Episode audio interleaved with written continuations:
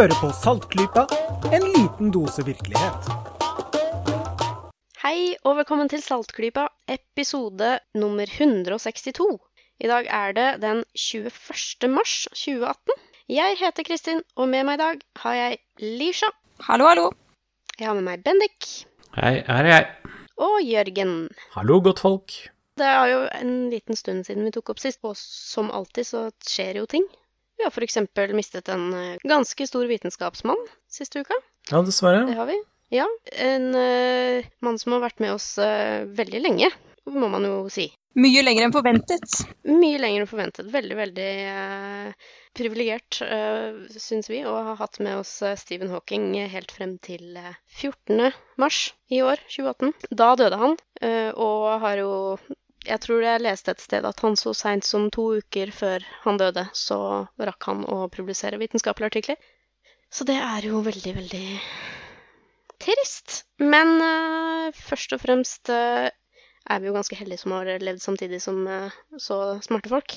Ja, la oss bare feire hva han har gjort, i stedet for å gå rundt og sørge. Ikke sant?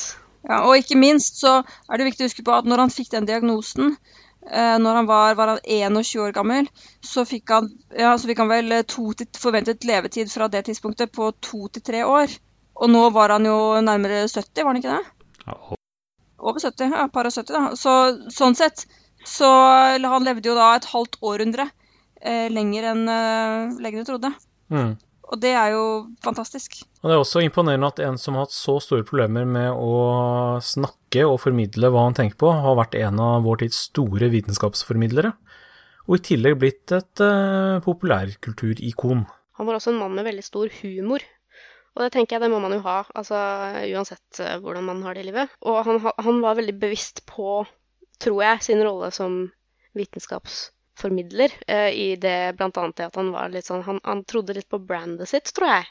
Fordi mm. han hadde jo all mulighet til å bytte ut eh, robotstemmen som var knyttet til eh, tekst-til-tale-kommunikasjonstingen han hadde på seg. Den var jo både amerikansk, og den var fra hva var det, ganske mange tiår gammel, i hvert fall. Og hørtes veldig kunstig ut. Han hadde all mulighet til å skifte ut den, men jeg tror han var ganske bevisst på å ikke gjøre det, for det var på en måte det, man, det vi har lært oss å forbinde han med. Mm det var stemmen hans. Ja, det var stemmen hans. Veldig kult. Vært med på alle mulige. Altså, jeg tror eh, nesten på godt og vondt at det er ganske mange folk som kanskje først og fremst forbinder han med en eller annen gjesterolle han har hatt i et veldig populært eh, TV-program eller sånn, enn en faktisk visste hva han forsket på. Mhm. Uansett. Litt sånn som blir, tror jeg, når man er såpass berømt som han, da.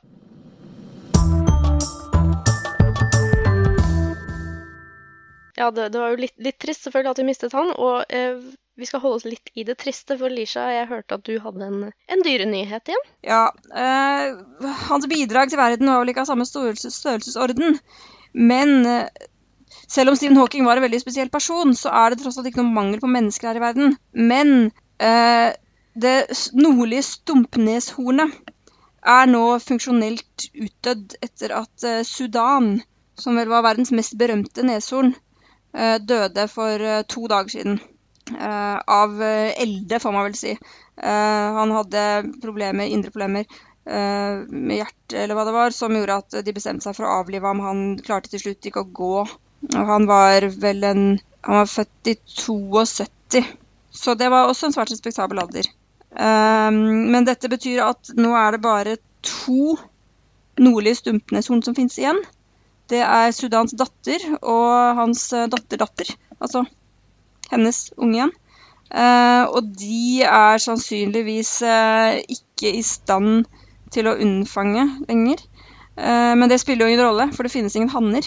Nei, det var det jeg håpa skulle si. Det blir jo ikke så mye neshornbabyer nødvendigvis. Da ville det jo bli en hybrid, da.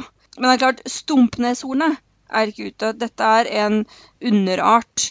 Eh, det er altså det nordlige og det sørlige, og det sørlige det har et veldig mye større mm, leveområde. Eh, Men det er klart at det nordlige hadde tidligere et veldig mye større leveområde. Eh, Det fantes jo i mange land, og på 70-tallet, da, eller når, Sudan ble født, så var det jo hundrevis av dem. Selv om det er heller ikke mange, men det var i hvert fall 500. Eh, Og nå er det altså to igjen. Og det er kun krypskytteri som har skylden for dette. Uh, hornet kan selges for uh, 50 000 dollar per kilo.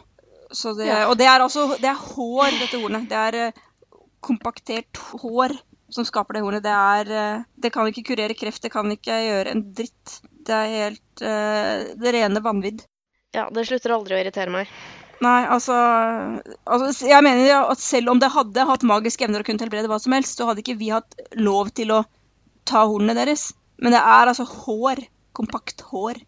Mm, det er rett og slett det. Uh, så man kan jo si at uh, hvis noen er villig til å betale 50 000 dollar for en kilo av dette, så er det en uh, skatt på idioter. og det er jo noe jeg i prinsippet støtter. Men her er det altså dyr som dør ut. Noe av den siste megafaunaen vi har igjen. Ja, ja. og selvfølgelig så er det slik at megafaunaen trengs i leveområdene sine. Det er jo en grunn til at de er der. Det er ikke bare å plukke dem bort, og så skal alt gå videre. Eh, så det, er forferdelig trist. Eh, man driver jo og jobber med å reprodusere dem i laboratoriet. Man har DNA fra et titalls forskjellige dyr, og man har jo noen eh, merkelige planer da, om å skape dem, ikke sant Tømme en eggcelle og putte inn sånne mm. flerpotente stamceller og tjohei, men jeg holder kanskje ikke pusten av mens jeg venter på det. Nei, det er eh, jeg må, jeg må bare altså, Apropos liksom uh, idiotskatt osv. Jeg bare Egentlig bare apropos det, ikke apropos noe annet, men bare for å lette stemningen litt. Så må jeg bare komme med en digresjon. En sånn utrolig kul uh, Typisk min humorgreie på Twitter i stad. Hvor det var et uh, kakediagram som var liksom sånn en bitte liten bit med gul farge og resten i blå farge. Og så sto spørsmålet 'Virker homopati?' på engelsk, da. Eh, og så den blå var pil, og så sto det 'no'. Og så på den gule så sto det 'no, but in yellow'. Det var kjempe Det, det er typisk min humor. Det er morsomt å se litt sånn enkel eh, pseudovitenskapshumor for en gangs skyld igjen. Så ikke bare utdødde dyr pga. menneskets idioti. Jeg synes det er litt forvirrende å høre på eh, et enkeltdyr som da kalles for Sudan. Eh, og, og, på en måte ikke tenke på landet, men tenke, huske at det er et dyr. Det, det var litt vanskelig, den nyheten, men uh... Han het, het, da det fordi han var fra Sudan. Uh, han var født i Sudan og ble fanget der vill, tre år gammel, og kom ja. til Tsjekkia. Og derfor så kalte de han Sudan for å ære hans opphav, da. Selv om det hadde kanskje vært hyggeligere å ære det ved å la ham bli hos familien sin. Uh, men det er en annen historie. Ja, ja. Kan jeg bare si én ting til om dette her? Noe som er veldig fint. Uh, det er i hvert fall hvis man setter litt pris på dyr og tror at de uh, ikke er bare noen levende ting. Det har vært en god del intervjuer laget av de som hadde ansvaret for å ta seg av Sudan, passerne hans, og å høre dem snakke om det båndet som de hadde med han. Eller har, altså De og Windows Fins de er jo selvfølgelig gjort da han levde. han har bare dødd i to døgn. Um, og de snakker om hvordan de uh, føler at de uh, De har knytta seg til han, og han har knytta seg til dem. og uh, de observerer han jo, han levde jo i en halvvill tilstand de siste årene i en nasjonalpark i Kenya. og Det er virkelig, det er veldig interessant og det er veldig rørende å høre disse mennene fortelle om sin opplevelse da, av dette veldig veldig sjeldne dyret og vennskapet som de følte for han. Så det mm. anbefaler jeg. Ligger på YouTube. Masse forskjellig.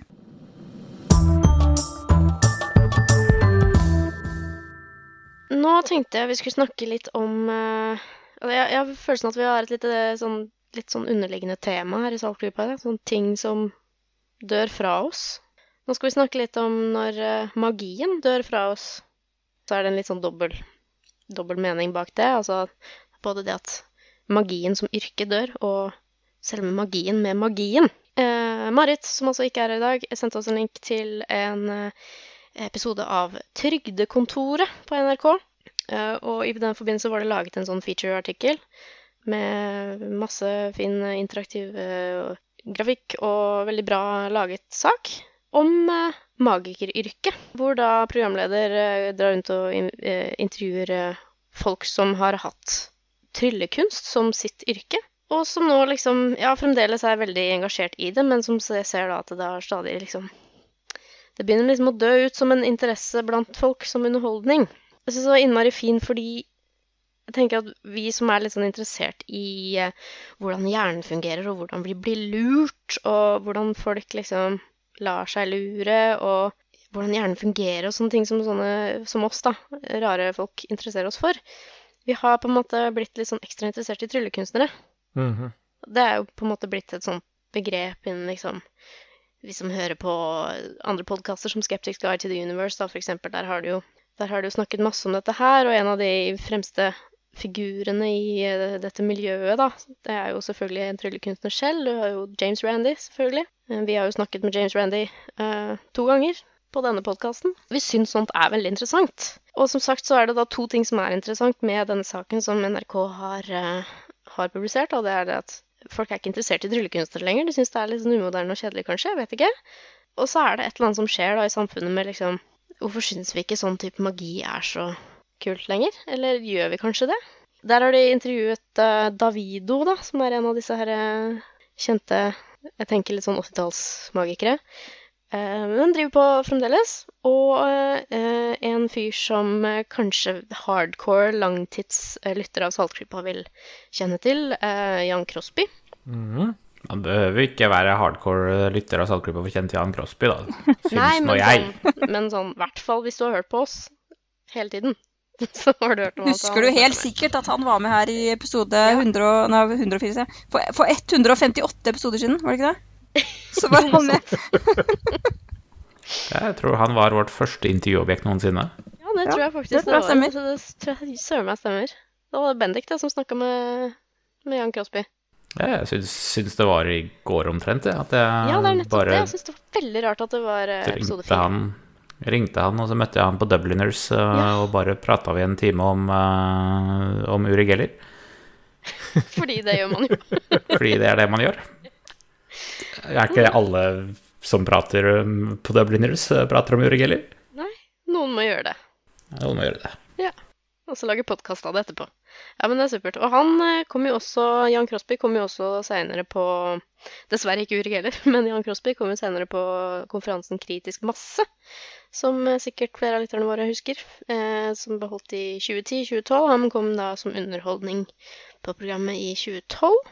Eh, så det var også en sånn litt sånn Det er liksom en ingrediens også på sånne skeptikerkonferanser, og som har vært opptatt av det. Mm. Ja, altså i, i og med at James Randy, som jo er profesjonell tryllekunstner av yrke, eh, ofte kalles den moderne skeptikerbevegelsens far, så sørget jo han for å, å dra med seg sine trylle, tryllekunster og tryllekunstnervenner overalt inn i, inn i hele bevegelsen. Og han, han hadde jo sin påstand om at uh, tryllekunstnere de var perfekte til å drive og avsløre bullshit, fordi de visste hvor lett det var å lure mennesket, og kunne veldig mange av triksene selv også. Mm. Og det er også arven etter Houdini, som også var eh, litt av en skeptiker. Houdini eh, begynte jo også dette her med at han ville avsløre spiritister, eh, og til den dag i dag så er det ingen som har klart å få kontakt med Houdini etter hans død, eh, selv om Nei, han, han lovte det, ja.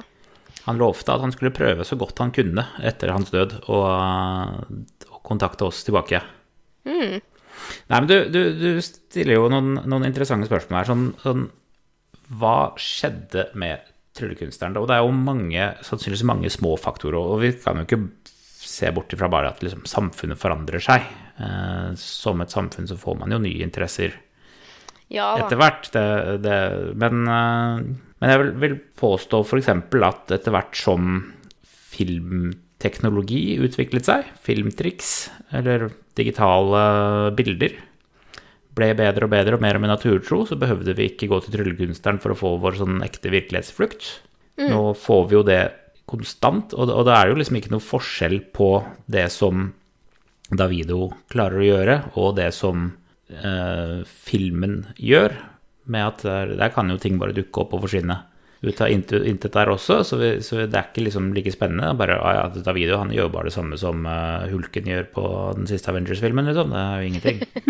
Nei, altså, de snakker jo også om at uh, det er en viss type magikere som fremdeles gjør det relativt bra, eller i hvert fall er veldig kjent sånn på YouTube, eksempel, og det er jo disse her close-up-magikerne, de som gjør ting på gata, de filmer det og legger det ut på nettet etterpå. Den type magi som når man ser liksom en person helt nærme gjør et eller annet som du ikke kan tro, liksom, så er det jo fremdeles ganske spektakulært. Og det, også, det nevnes det jo også i den artikkelen, noe som heter Harry Potter-effekten. Det er at vi vet at det er et triks. Vi vet at det er, det, dette er jo bare tryllekunstnere, men vi har et sånt, både et håp om at det liksom egentlig skjer noe magisk allikevel, eh, og at vi likevel lar oss underholde av det, da. Vi syns jo det er underholdende, men det må være en rikt, et riktig format. Det må passe litt med den tida. som Ja, vi for, er i. nå, for som du sier, eh, close up nå, nå i dag, så er jo hele samfunnet vårt close up, liksom. Ja, faktisk. Det, siden vi, vi Allting skal være close up. Du har personlige youtubere som, som lever av et kamera i trynet sitt, og, og vi har sånn der, Dette her går mer på person enn hva som skjer, liksom, så du får ikke den derre scene tryllekunstneren mer. Fordi, fordi man skal være up close og personlig og intim og, og slik som det. Og interagere liksom på én til én. Eh, Så det er jo et klart eh, Zeitgeist-forskjell mellom eh, en generasjon siden og nå. Eh, Mens det, det andre jeg, jeg, må jo, jeg må jo påpeke at bare i tilfelle ingen trodde det eh, Jeg er jo en kjempefan av trylling, egentlig. Eller ikke egentlig, jeg er en kjempefan av trylling. Og, og det kan, kan samboeren min eh, attestere. Jeg gjør ikke noe triks selv. Jeg har ikke fingerferdighet. Jeg kan ikke gjøre noe som helst. Men jeg er kjempefascinert, og bare hver gang jeg dukker opp på TV eller noe sånt, og jeg sitter og ser på Penn Teller Foolus på Netflix uh, hver gang samboeren min er ute av huset. Uh, fordi hun syns ikke, ikke så mye om dette her, men uh, hun er nå begeistra for at jeg blir begeistra, da. Ja, det er det som teller. men jeg, jeg må innrømme at tidligere, før vi hadde all verdens kunnskap tilgjengelig i lomma, så kunne jeg sitte og lure på hvordan et triks ble gjort. Nå, når jeg lurer på hvordan et triks ble gjort, så googler jeg det. Ja. Ja. Og, og, og, og da får jeg en, en brukbar forklaring. Det, det lar jo ikke meg reprodusere det på noen som helst måte selv, eh, for det krever jo tusenvis av timer med øvelse. Eh, men jeg personlig tar jo da den at dette her er da gøy. Ja, jeg vet hvordan de gjør det, jeg vet liksom teorien bak det, og sånn cirka hva som skjer. Men allikevel så er det liksom en mester i sitt yrke, som, som i seg selv er en interessant ting å se på. Ja, for det sier de jo også i den eh, lille dokumentaren, da, at eh, det spiller ingen rolle altså, hvis du, altså, om trikset er bra, men at det at du gjør det bra, det at du gjør det på en bra måte, har så sykt mye å si. Det har så stor prosentandel av effekten. Jeg vet at hver gang en tryllekunstner har et spillkort i hånda si, og så flipper den, eh, flikker den på hånda si, og så er det spillkortet borte, så er det bare holdt fast på utsiden, på baksiden av hånda, imellom fingrene hans. Det er fremdeles veldig imponerende at han klarer å få det til uten at jeg legger merke til det på sånn brøkdelen av et sekund. Jeg lurer på om kanskje For du sier, Bendik, at hvis du lurer på hvordan de gjør det, og så bare googler du det. Jeg lurer på om noe av det at det liksom ikke er så stas lenger, kan ha å gjøre med det at Nettopp det der, da. Du skjønner jo selvfølgelig at det er et triks. Du tror ikke på at det er magi, men du forstår ikke hvordan det er mulig å gjøre et slikt triks. Og det, det er det som er det fascinerende, i hvert fall for meg. At jeg eh, Sist gang jeg så trylling, var eh, da firmaet jeg jobber i, fylte 40 i desember. Da var en av un stor fest. Eh, og det var en av underholdningsinnslagene da var en tryllekunstner. Tydeligvis var jeg veldig kjent for dette, men han var finsk. Dette er finsk firma, jeg kjente da ikke til ham. Men han gjorde ting som jeg kan ikke fatte og begripe. Hvordan det er mulig å få til. Han bl.a. drakk en drink hvor han, på han puttet en masse nåler oppi. Så drakk han dette, og så spiste han en snor. En snor, en, en tråd, eller om han gjorde det i motsatt rekkefølge, vet jeg, husker jeg ikke. Men og så dro han tråden ut igjen, og da var liksom nålene tredd på tråden. Ja, og Det kan jeg sikkert google for å finne frem til. Men det jeg prøver å komme frem til nå, er at i gamle dager, da, for å si det sånn, eh, for la oss si 50 år siden, så var det akkurat samme situasjon. Du skjønner kanskje det er et triks, men du kan ikke fatte hvordan det blir eh, utført. Men i våre dager så er det sånn at du kan faktisk ikke unngå å vite en god del om hvordan det blir utført. Nesten, Mm. Det er jo- om du vil eller ei. Så Ja, får du med sånn, deg eh, ut, det er en sånn utholdenhetsøvelse, da, å liksom eh, prøve å ikke la seg finne det ut. Ja, the suspension of disbelief blir mye vanskeligere, fordi du, du kan prøve å unngå å finne det ut, men en, en, en del ting får du bare med deg ved å liksom leve i dette samfunnet. Eh, og da mister de litt av sjarmen. Det blir vanskelig å suspend your disbelief eh, og tro at det kanskje virkelig er litt magi. Men jeg lurer også på om det bare kan ha, være en litt sånn selvoppfyllende profeti at folk som skal booke underholdning til en eller annen sammenheng, de tenker at dette vil ikke folk se, og så blir det ikke booket, og da tenker ikke folk på det, og da vil de jo ikke se det, og så blir det en slags ond sirkel. Det kan kanskje også være noe. For de gangene jeg har sett det, så har alle liksom vært helt Ja, virker som alle til stede har syntes det har vært veldig kult.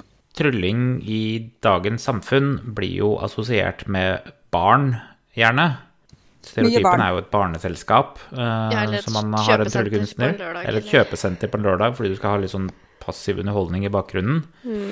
Eh, og i populærkultur, eh, i filmer og, og TV-serier, hvis det er noen som liker trylling eller driver med trylling, så er det gjerne barn og ungdom, eller veldig barnslige. Og også hvis du vil i USA oppleve liksom de virkelig store trylleactene, så drar du til Las Vegas. Og hva er jo Las Vegas? Eh, Jo, det er jo der hvor gamle stjerner drar for å dø. Man er jo ikke i Las Vegas hvis man er en populær eh, artist på toppen av, sitt, eh, toppen av sin karriere. Nei, og det er jo der alle de eh, typiske tradisjonelle uh, tryllekunstnerne drar også. De glam-tryllekunstnerne, som jeg kaller det. Altså de, disse, disse som står på en scene og har masse glitter og stas. Og dramatisk musikk og pene damer som assistenter. Altså alt det der da, som kanskje ses på som litt sånn tacky nå, det passer jo selvfølgelig inn i Las Vegas. Mhm. Men det passer ikke Skal så det mange være andre alt steder. mulig glam. Nei. For det er det jeg litt tenker på, at eh, liksom det jeg oppfatter som tradisjonell uh, tryllekunst, kunst, er den herre sceneopptreden med masse dramatisk lys og røyk og, og veldig koreografert. Og, og det var kanskje kult på 80-tallet, altså, men, men eh, jeg er ikke særlig tiltrukket av det nå, må jeg innrømme. Selv om jeg syns trylling som fenomen er dritkult, så er det den formen, den, den tiltaler meg ikke. Det er litt sånn David Copperfield-magien. Ja. Og miniversjonen man kunne se på norske scener. Nei, eh, det finnes jo veldig mange forskjellige former for magi. Da. Hva er det vi har? Vi har den, og så har vi sånn type utbrytermagi. Litt sånn som James Randy drev med, med å henge over Niagarafossen i lenker og komme seg løs. Close-up-magi på gata og korttriks og mynttriks og Og så har du mentalisme, da, som skeptikeren syns er innmari kult. Det er litt sånn i grenseland eh, for ting som vi vet via liksom vitenskap, og ting som liksom Men hva er nå dette? Altså, er det bare tøys, eller kan det forklares med et eller annet fenomen, eller hva, liksom hva? Og da kiles vi jo litt i hjernen, da, ikke sant, av dette her. Det er litt sånn i grenseland. Du har jo sånne konsepter som eh, nevrolingvistisk programmering, som er litt sånn halvveis pseudovitenskapelig, og så er det noen som påstår at de bruker det, og så er det noen som sier at de bruker det, men egentlig ikke gjør det, sånn som eh, eh, jeg mistenker at Darren Brown gjør. Darren Brown øh, bløffer veldig mye. Eh, jeg, jeg, vil, jeg, vil på, jeg vil påstå at, øh, at øh, hvis en mentalist kommer med en forklaring til deg på hvordan han gjør et, et gitt triks, så er den forklaringen bullshit. Det er, eh, en, det er en måte å bruke ord som eh, avledningsmanøver istedenfor hender og blikk. Bruke forklaringer som avledningsmanøver. For avledningsmanøver er jo en sånn derre svær greie innen alle typer tryllekunst. Mhm. Så sies det jo i denne artikkelen som følger med dokumentaren, så står det Er det sånn at teknologien har forvist tryllekunstnerne til historiens gravplass? Og det har vi snakket litt om allerede med YouTube og det at liksom vi er vant til et samfunn hvor liksom teknologi er oppi trynet på oss hele tiden og gjør oss alle til uh, Ja, alle vil være liksom jeg vet ikke. Eh, og liksom forvist disse scenemagikerne, da. Eh, men er det noen flere måter teknologi har jo gjort denne her magien til litt mindre viktig? Ja, det at vi også har underholdning. Eh, så mye underholdning vi bare vil eh, nå. Det tror jeg er ganske viktig. Ja. Eh, Når, når tryllekunstneren var på sitt store, så, så hadde vi jo én TV-kanal eller ingen. Og hvis eh, det var en, eh, en programsjef som hadde lyst til å sette på trylling, ja, da var det trylling på. Og, Du skal få trylling. og hvis man ville ut og gå på et show, så, så hadde man ikke hundrevis av show, fordi det var fire teatre i Oslo, og alle sammen Nei, liksom bare, bare det at valgmulighetene nå er så mye større, betyr jo at den, eh, det ikke lenger er en, eh, en så populær ting. Det forsvinner litt i støyen av det andre. Det er akkurat som mm. dataspill og, og filmer i høy kvalitet man kan spille av hjemme, har, eh, er i direkte konkurranse med musikkmediet, f.eks. Eh, Det er jo noe som er nytt med dataalderen, og som eh, jo selvfølgelig også påvirker eh, litt mer sånn nisjeunderholdning som eh, trylling, som eh, man nå må oppsøke ganske spesielt, da, mens eh, veldig mye annen underholdning er fryktelig lett tilgjengelig på andre områder. Jeg syns det var interessant det der Jeg tror det var Jan Crosby som sier det, at, eh, at det er liksom en Han oppdaga da på sånn type ja, årtusenskiftet etter det, så hadde han tatt en liten pause fra magien, så kommer han tilbake og finner ut at herregud, nå, nå er jo samfunnet helt annerledes med tanke på hvordan de mottar denne formen for underholdning, da. Altså det har skjedd et eller annet. Og han mistenker at det kan være noe med dette her som vi har snakka om, da, med teknologien, og kanskje at vi imponeres av eh, andre ting. Og da kommer, kommer han inn på sånn greie med at vi har utvikla nye måter å tenke på, da, som har vokst frem, og det syns jeg er veldig interessant. For det er jo lett å tenke seg at det har det jo. Litt sånn det, Selvfølgelig har det det, for vi tenker jo det med at det konseptet med at hjernen er veldig plastisk, f.eks. Så den tilpasser seg veldig ting. Og sånn som lesing og måten vi leser på, da. Bare det å lese i det hele tatt, å lese bokstaver, enten det er på papir eller andre steder, det er jo, det er jo en ting som vi har tillært oss som en utviklet og tillært oss som kultur, ikke noe som liksom vi har fra, fra naturens side, på en måte. Mhm. Det er liksom noe som har kommet frem av samfunnet. Men jeg vet ikke om, om det er noen solide forskningsoversikter da, som tar for seg om faktisk hjernen vår rent fysiologisk har begynt å tenke og lære annerledes. Men jeg har lest veldig mange sånne artikler med ja, det, det, sånn er det. Eh, Det er mye som populærvitenskap, ja. ja, det er veldig mye populærvitenskap, men jeg må innrømme at jeg har ikke den oversikten om, om det er noe sånn skikkelig naturvitenskapelig forskning, da, i hvert fall, eh, på dette her. Så jeg skal jo ikke slå fast noen vitenskapelige sannheter her på Saltklypa. Men jeg tror nok at det er noe som forskerne på veldig mange felt er svært interessert i. Og det ser jeg bl.a. på mine egne studier nå. Eh, Det skrives veldig heftig om sånne, ting, da. Med hvordan vi tilegner oss informasjon blant sosiologer og informasjonsvitere, blant annet. Eh, Jeg har kommet over en del interessante eh, tekster, både i og utenfor pensum, eh, bare de siste månedene. Eh, Jeg studerer jo da bibliotek og informasjonsvitenskap. Eh, Ja, jeg tror liksom at med dagens håper jeg, politiske klima og hvordan allestedsnærværende plattformer som Facebook osv. kan være med å påvirke sånne ting som politikk, da. Så tror jeg det, det temaet Det er ikke noe som kommer til å ignoreres av vitenskapen fremover. Jeg tror ikke vi kommer til å vite noe mindre om det.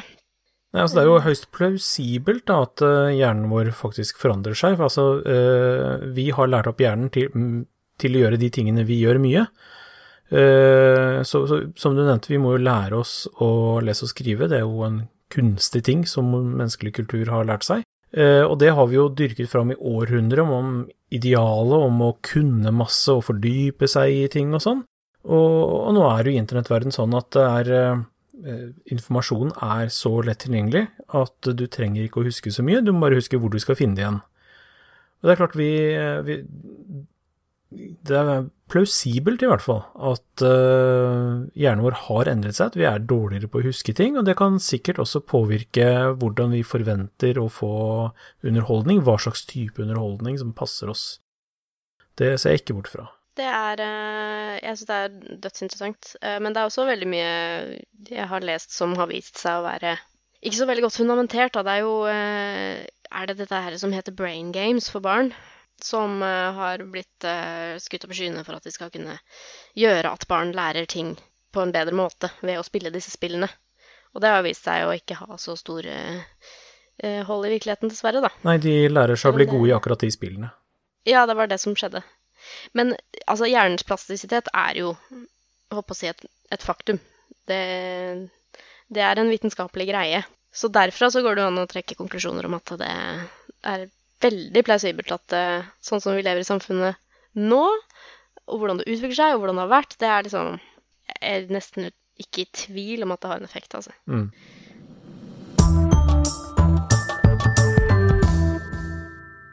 Har det noen uh, tryllekunstnere dere er fan av i dag? Sånn bortsett fra James Randy, da.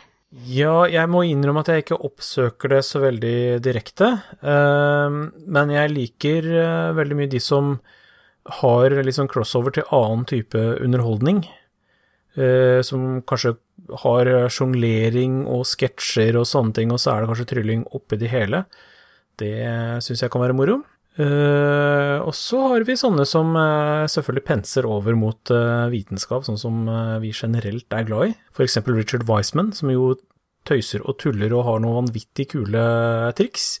Men som egentlig handler om eh, Man stort sett alltid tar utgangspunkt i eh, psykologisk vitenskap i det han gjør. Ja, han har også gjort mye morsomme forsøk, og både publisert og skrevet eh, populærvitenskapelige bøker om det også. Mhm. Og han har vi jo snakka med i hvert fall et par ganger også, vet jeg, på, på Saltgripa. Jeg vet ikke hvor mange ganger det ble til slutt. Lurer på hva han gjør for tiden. Eh, Forhåpentligvis leser han en mail fra meg i kveld. Akkurat Ja, mailen ok, han- ja. Med Core College i nesten fulltid, tror jeg. Ja. Nei, men det er bra. Jeg er veldig fan av eh, den blandingen av uh, det som folk imponeres mest av nå til for tiden. Altså det som har med veldig nære type magiske trikk, for der, der, der må man være så flink. Ja. For å lure alle de folka som står og ser rundt, i liksom alle retninger rundt deg, og liksom du kan ikke, du kan ikke alltid stole på liksom den retningen du står i, skjuler hva du gjør og sånt. Liksom. Du må være innmari dyktig, da. Mm. Og så dette her med sånne vanvittige mentalisttriks som jeg kanskje liksom Jeg har kanskje fått en delvis forklaring på hvordan det funker allerede, men det er fremdeles sykt imponerende. Mm. Og det er en sånn god følelse. Det jeg, Eh. altså nå, nå spekulerer jeg litt, eh, men jeg har litt følelsen av at på grunn av at vi har blitt så vant til at eh, det er så enkelt å lage triks med datateknologi, så er et enkelt triks er ikke så imponerende lenger, selv om det sikkert ligger masse arbeid selv bak små, enkle korttriks. I trening i fingerferdighet og sånn, så er det liksom å trylle bort et kort, det er liksom ja ja, det, det var et triks, liksom, det var ikke noe viktig. Men når du viser en sånn åpenbar dyktighet, som er sånn det, det er ingen måte å få det til på annet enn ved enorm trening, og det er helt åpenbart. Da, da lar jeg meg imponere. Og det, noen av de som gjør det veldig bra, det er Penn and Teller.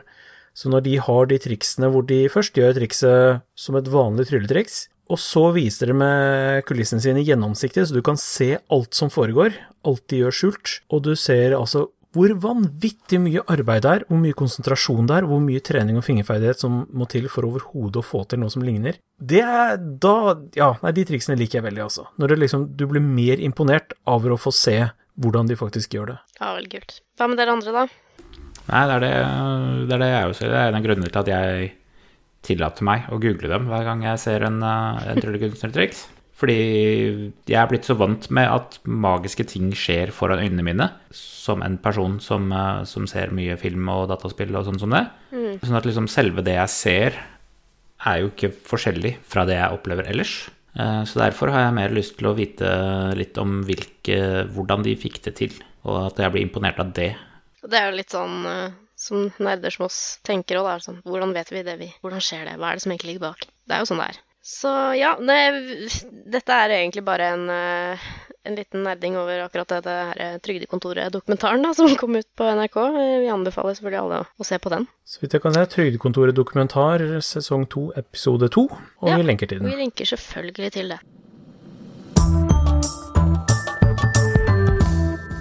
Vi går over til en eh, liten gjeng med anbefalinger eh, denne uka her. Jeg kan, jeg kan begynne med å si Jeg, jeg nevnte dette her med eh, hvordan eh, til og med politikken ser ut til å bli påvirket av teknologi. Og har, det har jo også skjedd ting i politikken.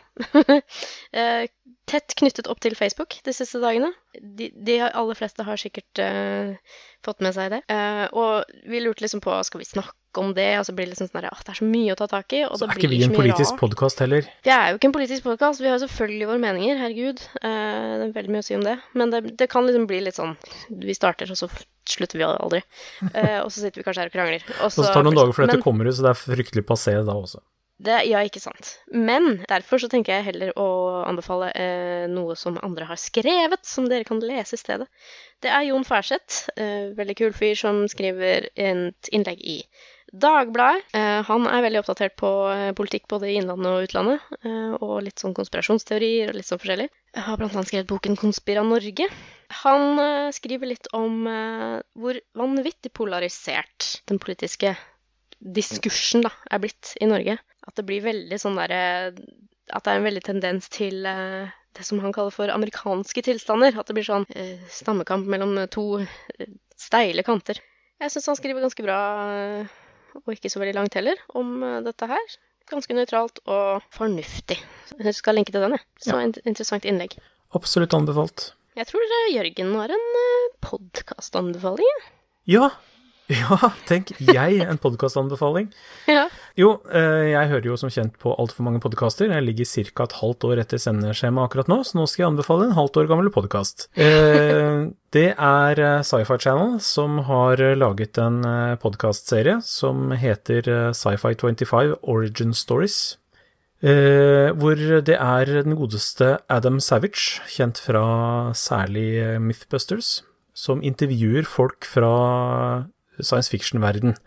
Folk som har drevet med film og TV og tegneserier, eh, forfattere. Eh, han har intervjuet eh, Neil Gaiman, Kevin Smith, transhumanist-filosof Natasha Vita Moore, Frank Aas og en haug andre folk.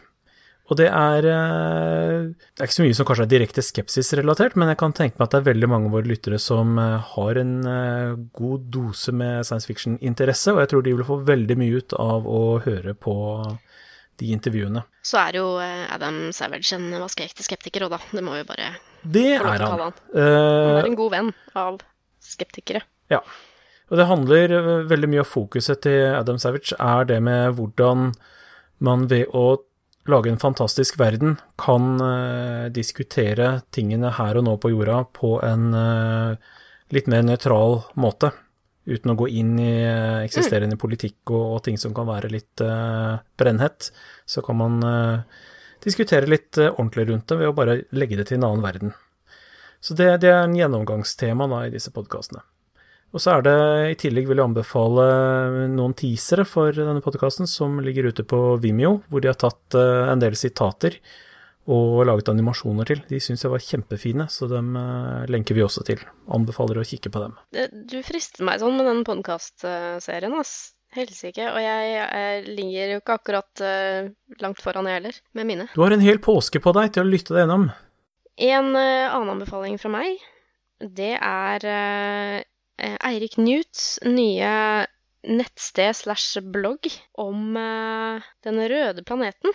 Mm. Han er jo superopptatt av eh, romfart og eh, altså det å kolonisere Mars, f.eks. Noe som virker mer og mer sannsynlig at kommer til å skje en gang i fremtiden. Eller i hvert fall at vi skal prøve på det. Så han eh, har tatt eh, si, saken i egne hender. Han, han er en veldig dyktig skribent eh, og har laget et nettsted som heter Veien til Mars. Krønike fra det neste kjempespranget. Det er egentlig en veldig god eh, inforessurs om på en måte alt som har med hvordan vi skal komme oss til Mars, hvem som er involvert, eh, de forskjellige måtene vi tenker oss at menneskene kan tilpasse seg den relativt ugjestmilde planeten eh, når vi en gang forsøker å kolonisere den. Og det er jo en planet som hittil har favorisert maskinene, robotene, fremfor det myldrende liv. Eh, hvordan de skal fremstille råstoffer, og hvordan de skal dyrke mat. Hva slags, og hva, også hva slags samfunn og samfunnsform fa, fastboende på Mars vil kunne utvikle. Eh, alt sånt. Og apropos dyrke mat, så har han også en sånn sideprosjekt da, som pågår nå, og det er så nerdekult at jeg blir helt Altså, jeg dåner av det. Eh, Marshagen. Han har da skaffet til veie kunstig marsjord, eller regolitt, da. Aha. Det går an å kjøpe, en potte. Han har 3D-printa en blomsterkasse. Det er sånn ekstra nerdpoeng. Han har eh, laget og satt opp et webkamera som er bygget ved hjelp av en Raspberry Pi-maskin, eh, og har også selvfølgelig et fyldig innlegg med instruksjoner om hvordan man gjør det. Pluss da fuktmåler til jorda og sånn der. Eh, og så har han da, i første omgang så eh, prøvde han med ja, verdens mest lettdyrkede plante, nemlig karse. De kan jo, som han selv sier, de gror jo på både glass og dopapir, liksom. Så det er jo greit nok. Eh, men det var jo kjempesuksess, det. Han lagde en veldig kul eh, timelapse fra dette webkameraet. Nå eh, driver han og Nå skal jeg bare se på hva som er eh, siste oppdatering her, sånn. Han går inn på newt.net slash mars slash mars-garden. Eh, så har han da Marshagens webkamera. Her står det da Her ser jeg faktisk nå at det er noen spirer som dukker opp fra jorda. Det er da tre dager siden han eh, Han har nå plantet byggfrø. Og det er jo ganske relevant, fordi det er jo noe som kan utnyttes til mat. Så liksom, jeg tror muligens at målet hans er å liksom gjøre litt sånn som han i The Martian, da. Så kan han prøve på poteter også, etter hvert. Og med liksom gjødsel og og på dette nyeste eksperimentet med bygg da, så har han også sørget for å ha sterilt vann kjøpt på apotek i stedet for vann fra springen, for det kommer jo igjen fra naturen, som igjen kanskje kan ha sporstoffer av næring osv., så, videre, og så, videre, så da blir de på en måte ikke et lukket eksperiment. Aha. Så det er veldig nøye i dette her, altså. Det er superkult. Det er typisk sånn som jeg tenker at folk som hører på podkasten vår, vil uh, synes er morsomt. Definitivt. Ja, så Erik Knut sitt nye Mars-lekestue og slash inforessurs skal vi selvfølgelig linke til. Før vi avslutter, så tenker jeg kanskje det kan også være på tide å enten gå i bokhylla, hvis du er så smart, eller kanskje gå på biblioteket eller bokhandel og lese en Stephen Hawking-bok. Ja. En bok som jeg har i bokhylla mi fra lenge siden, som jeg jeg husker jeg i hvert fall lånte den på biblioteket eh, da den kom ut.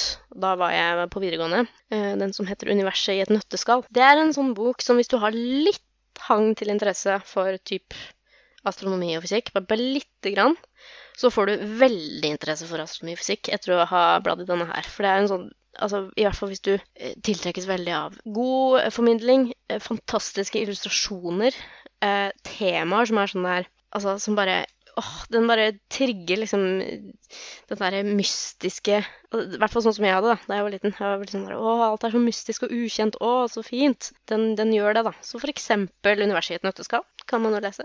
Mm. 'Brief History of Time' er jo den boken som kom først. Det kan man også lese. Eller man kan gå inn på noen vitenskapelige journaler og lese noe skikkelig tungt som han har publisert. Litt Yes. sånn for å, Noe for ethvert nivå der, altså. Da gjenstår det bare å ønske ja, fortsatt god påskeferie, tenker jeg, til de som eh, lytter på. Ja. Skal dere noe kult i påsken? Jeg skal f.eks. på kino. Det er veldig Wow. lenge mellom hver gang jeg får anledning til det i småbarnstilværelsen. Det er av de små gleder man får seg.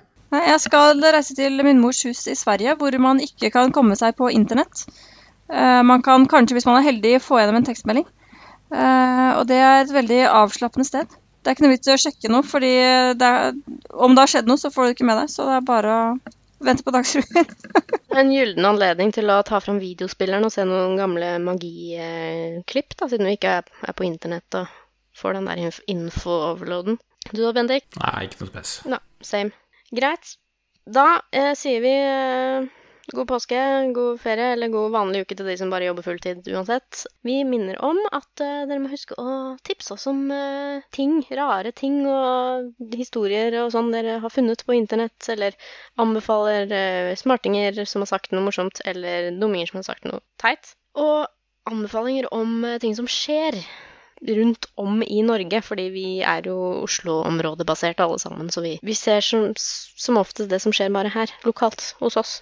Hvis det er noe som skjer i Trondheim eller eh, Telemark eller liksom Hammerfest, så, så tar vi imot tips om det. Yep. Absolutt. Og send oss gjerne spørsmål. Skal vi si det var en episode? Ja. Det var en episode, ja. Klar for påskeferie. Vi eh, stålsetter oss eh, for å starte på full eh, rulle igjen etter påske. Et par ukers tid. Får vi snakkes da. Da gjenstår det bare å si ha det på badet. Ha det Ha så det bra. Saltklypa lages av Kristin Lisha, Jørgen og Bendik. Har du spørsmål, anbefalinger, ris eller ros, send det til post at saltklypa.no, eller finn oss på Facebook. Lenker til alt vi har snakket om i episoden finner du på saltklypa.no, hvor du også kan abonnere på podkasten for å få hver episode levert på døra helt gratis. Takk til Smart 9000 fra Evig poesi som har laget kjenningsmelodien.